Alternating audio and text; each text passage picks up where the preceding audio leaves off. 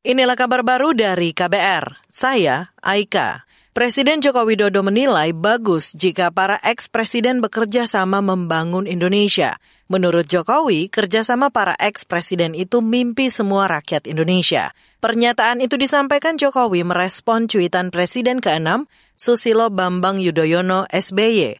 Di akun Twitternya, SBY mengaku bermimpi bertemu Jokowi dan Presiden kelima Megawati. SBY menceritakan dalam mimpinya itu ketiganya naik kereta api sambil menyapa rakyat dengan hangat. Saudara, momen mimpi itu dibagikan SBY bersamaan dengan momentum pertemuan anaknya, Ketua Umum Demokrat Agus Harimurti Yudhoyono dengan Ketua DPP PDIP Puan Maharani. Selama ini hubungan kedua partai itu ditengarai renggang dan saling kritik. Kita beralih ke informasi lain. Penggunaan alat sadap Pegasus untuk merampas hak privasi masyarakat dinilai bentuk pelanggaran serius. Hal itu disampaikan Direktur Eksekutif SafeNet, Damar Juniarto, merespon dugaan masuknya Pegasus ke Indonesia.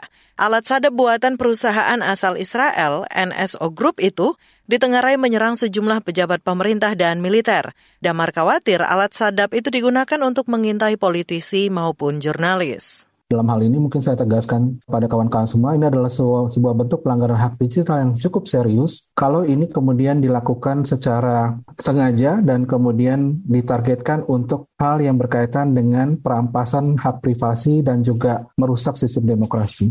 Itu tadi Direktur Eksekutif SafeNet, Damar Juniarto. Sebelumnya, tim Indonesia Leaks merilis laporan dugaan pengadaan dan penggunaan alat sada Pegasus di Indonesia.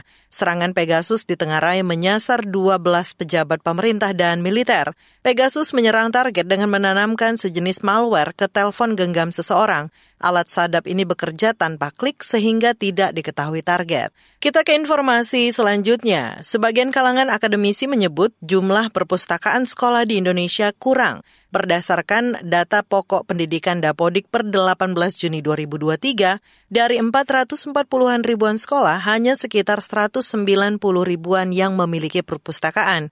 Hal ini disampaikan Kepala Program Studi Perpustakaan dan Sains Informasi Universitas Yarsi, Umi Azizah Rahmawati, saat rapat dengar pendapat umum dengan Komisi Pendidikan DPR. Dan ini juga dikuatkan oleh penelitian yang dilakukan oleh Tol dan Kulto bahwa Perpustakaan sekolah yang dikelola secara profesional memberikan kontribusi 21 persen sampai dengan 29,5 persen terhadap prestasi belajar siswa. Kalau setiap sekolah seharusnya mem e, memiliki perpustakaan sekolah karena itu bagian dari instrumen akreditasi sekolah, Seharusnya di sini ada kekurangan kebutuhan pendirian perpustakaan sekolah sebanyak 244.342. Kepala Studi Perpustakaan dan Sains Informasi Universitas Yarsi, Umi Azizah mengatakan, minimnya jumlah perpustakaan sekolah menyebabkan rendahnya literasi peserta didik. Padahal, kata dia, mendirikan perpustakaan sekolah sesuai standar merupakan amanat peraturan pemerintah tentang perpustakaan. Demikian kabar baru dari KBR. Saya Aika.